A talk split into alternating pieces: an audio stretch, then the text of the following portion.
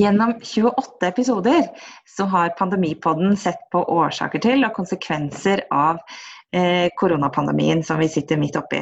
Hva har vi lært om pandemier og forskningskommunikasjon gjennom denne tiden?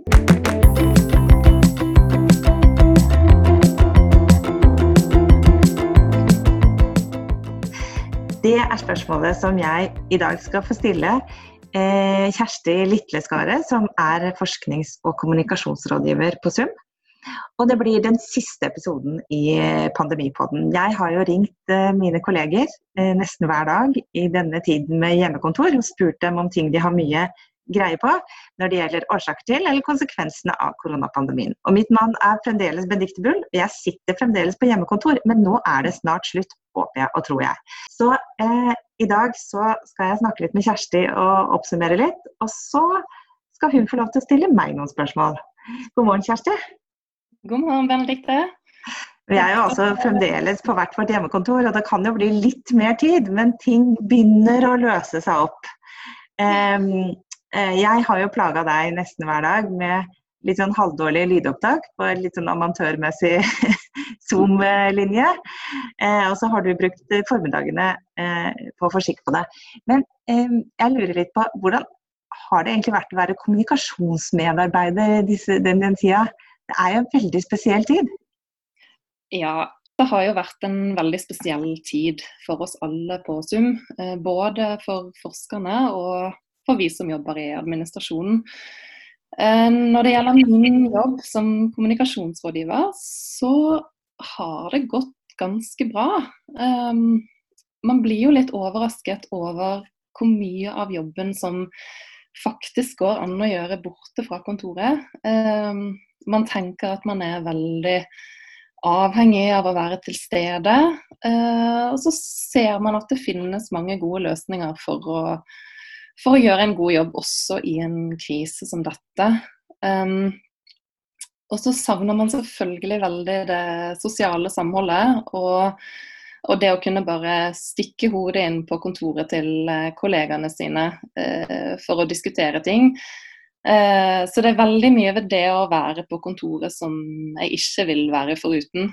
Uh, men jeg tenker likevel at det er noen viktige lærdommer her som vi kan ha godt av å ta med oss videre. Eh, dette med å bli mer bevisste på de digitale løsningene som vi faktisk har. Ehm, men så må jeg si at eh, noe av grunnen til at jeg føler at det har gått så bra eh, kommunikasjonsmessig, er jo det at forskerne på Sum har vært så engasjerte gjennom hele perioden og vært aktive med å være synlige i mediene. Laget eh, digitale, nettbaserte kurs, som du også har snakket om eh, tidligere i Pandemipodden. Eh, og selvfølgelig dette podkastinitiativet ditt, eh, som jeg føler virkelig har vist at omtrent all forskning er faktisk relevant for den eh, perioden vi er i nå. Eh, som, jeg vil si Det er jo virkelig forskerne som har holdt liv i formidlingen i denne perioden. Vi som jobber med kommunikasjon, vi er her for å fasilitere og, og gjøre det tilgjengelig. Men, eh, men stor kudos til forskerne, altså, som har gjort en fantastisk jobb med å omstille seg til eh, en ny og krevende situasjon. I en så usikker periode så er vi kanskje alle veldig opptatt av kunnskap, og vi vil at forskerne skal gi oss de, de helt entydige og sikre svarene. Hvordan er det egentlig å jobbe med forskningsformidling i en sånn periode? Uh, ja, det, det, er jo en utfordring som, som, alltid er litt til stede i forskningskommunikasjon. Det er jo klart at uh, forskning foregår på et formidlingsnivå som er litt mer komplekst enn det man kan skrive i en kort nyhetssak eller eh, snakke om på et radiointervju. Eh, så det handler jo alltid litt om å finne den balansen mellom å få fram det komplekse, men samtidig formidle det på en måte som blir forståelig og, som gjør at folk ikke bare sitter igjen og tenker 'hæ?' Men Eh, som du sier, så akkurat i den perioden vi er i nå, så er det nok veldig mange som ønsker seg klare svar, i og med at eh, ting er så usikkert. Men samtidig så er det kanskje ekstra vanskelig nå å komme med noen klare svar, nettopp av samme grunn.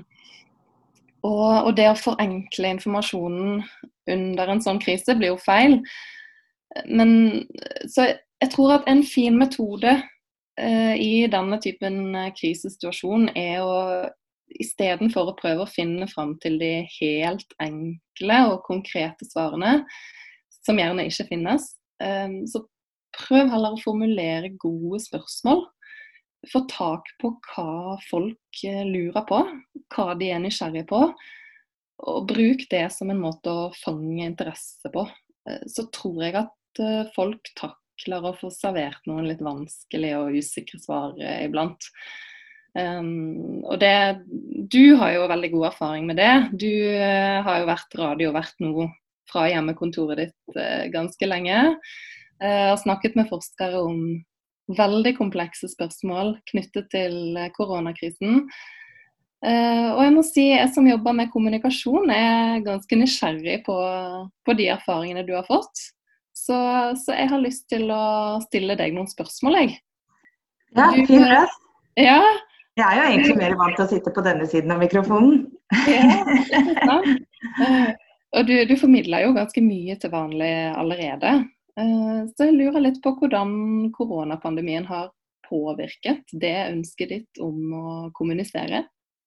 Det tenker jeg har gått veldig i faser, og nå føler jeg liksom på vei inn i en ny fase igjen. For de første dagene så var jeg sånn OK, dette er så vanskelig. Nå er det bare pandemiekspertene, altså epidemologene og disse her vi har bruk for. Alle andre, inkludert meg selv, skal holde tåta jeg skal ikke si noen ting. Bare på en måte liksom holde seg fast i bordet og trekke pusten og håpe dette går over, at noen har de klare svarene. Og så etter hvert ble jeg mer, gikk jeg over i en fase, og det var da jeg fant på pandemipodden, at vi trenger på en måte eh, kunnskap som, om ting som relaterer seg til dette her, så vi kan klare å plassere det vi opplever nå innenfor noen kjente kategorier på en måte innenfor sånn årsaksforløp, og også kanskje da se på mulige utviklingsforløp. Og da trenger vi mer enn bare de som kan si hvordan eh, viruset kommer til å spre seg i befolkningen. Eller det er det veldig mange andre ting vi også trenger å vite noe om. Som eh, hvordan virker de økonomiske tiltakene, Kinas rolle og alle de tingene som vi har tatt opp. Og så oppdaga jeg jo at det, vi har så utrolig mye kunnskap om mange av de tingene. Og så eh, Eh, og nå opplever jeg litt at utfordringen er at vi må på en måte Vi er liksom gradvis på vei tilbake til en eller annen sånn normaltilstand som like, likevel ikke er den vi var i tidligere. Og at vi eh, må eh, ta inn over oss hvordan den endrer den kunnskapen vi har, uten å på en måte kaste hele kunnskapen ut med badevannet. Og det føler jeg liksom, Nå er vi på vei inn i en helt ny, ny fase. som Vi trenger kanskje andre, eh, andre formater, andre måter å også generere kunnskap og tenke rundt disse tingene på. Men det har vært, eh, altså det har vært utrolig interessant. Og også det, også, det som har vært eh, superspennende er jo å, å, snakke med kollegene. Og så blir jeg litt sånn deprimert på akademias vegne, inkludert meg selv, hvor altfor lite vi gjør det til vanlig. For vi sitter med våre tidsprisfrister og dykker ned i våre ting. Og så snakker vi ikke med han og hun som sitter bare rett ned i ganga om ting som er egentlig superinteressant. Jeg blitt så overvelda over alt de kan. ja, føler du at, eh, at koronakrisen til tross for hjemmekontor har, eh, har, har eh, gitt noen sånne aha-opplevelser når det kommer til kommunikasjon? Absolutt, altså. Eh, det syns jeg. Eh, og, og det, altså, Sum skal jo være tverrfaglig, det er jo på en måte en del av vår identitet. Og jeg tenker at det er mange akademiske arbeidsplasser som godt kunne hatt, denne her, ja, hatt en sånn øvelse og intervjue hverandre litt og rett og slett åpne øynene for at folk som har helt andre perspektiver, kanskje du egentlig er ganske uenig med dem. Altså, vi oppdager jo også at vi faktisk er ganske uenige om en del ting, når vi virkelig begynner å, å prate om, om, hva vi jobber med. Så Vi kan sitte og spise lunsj fredag etter fredag og hver dag uten å egentlig registrere det. Hvordan, eh, altså Som du sa i starten, så pleier du jo å sitte på andre siden av mikrofonen, eh, sånn som du gjør nå. Eh, som forsker, hvordan er det annerledes å være den som intervjuer?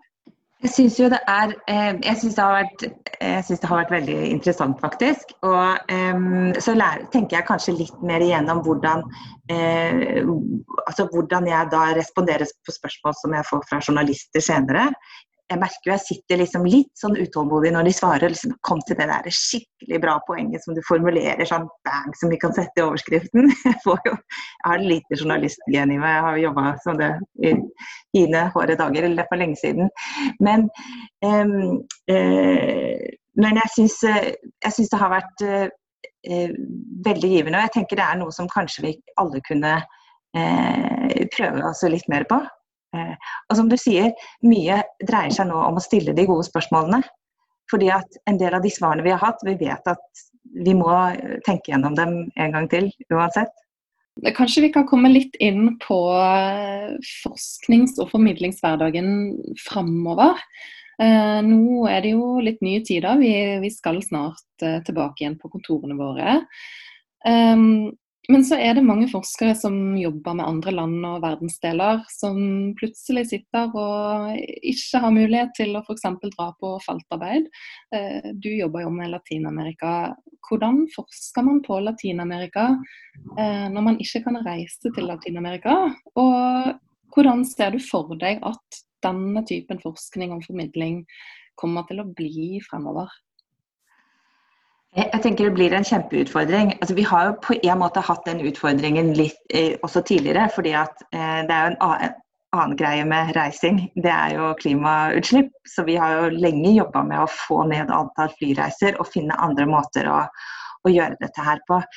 Og jeg tenker det er jo helt klart eh, eh og det kan gå en periode uten å, å i det hele tatt være i Latin-Amerika.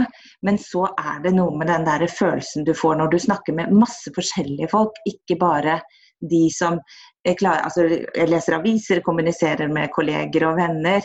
Og heldigvis latinamerikanerne er jo sånn at de, de, de, sitter jo nå, det er veldig strenge tiltak i mange land. De holder på å kjede seg i hjel og sitter og sender WhatsApp og Messenger-meldinger og Twitter i et hakkende kjør. Så man får jo med seg en del informasjon, men det er noe med den der, den der mer sånn det, det, brede bildet som du, du, går litt glipp av.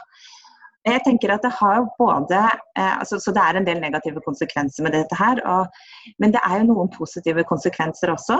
Um, jeg merker at vi er nå enda mer avhengig av samarbeid med forskere der for å gjøre eh, den jobben vi skal gjøre. Vi kan ikke bare liksom, reise til Venezuela og eh, løpe rundt og samle inn informasjon og data. Eh, og da må vi jobbe sammen med folk som faktisk er der, som har noe mer bevegelsesfrihet. De sitter jo ganske støkk de òg akkurat for øyeblikket, men i hvert fall kan gjøre en del. Eh, og det holder vi på med nå, faktisk. Å etablere mer institusjonaliserte samarbeid med flere. Og det er jo egentlig noe som myndigheter og vi alle har pusha på i mange år. At vi skal jobbe mer sånn. Um, og så er det jo selvfølgelig mange sånne plattformer. altså Det er webinarer og greier hele tiden eh, som man sitter og følger med på. Så på mange måter så føler jeg at jeg klarer å følge. Men jeg tenker at det er noe som blir litt verre når det går veldig mye tid uten at altså, så Det kommer litt an på hvor lenge dette varer. Blir det noen, noen måneder til? Blir det ett år? Blir det to år? Da begynner vi å slite litt, altså. Ikke sant. Eh, jeg føler også det at det, det, er en del ting ved koronakrisen som gjør at vi blir, ja, vi blir tvunget til å gjennomføre noen tiltak som, som, kanskje er positive. Eh, men på lang sikt så er det godt å komme litt tilbake til sånn som det har vært også. Eh, er det noe du er bekymret for når det gjelder fremtiden på, på dine forskningsfelt?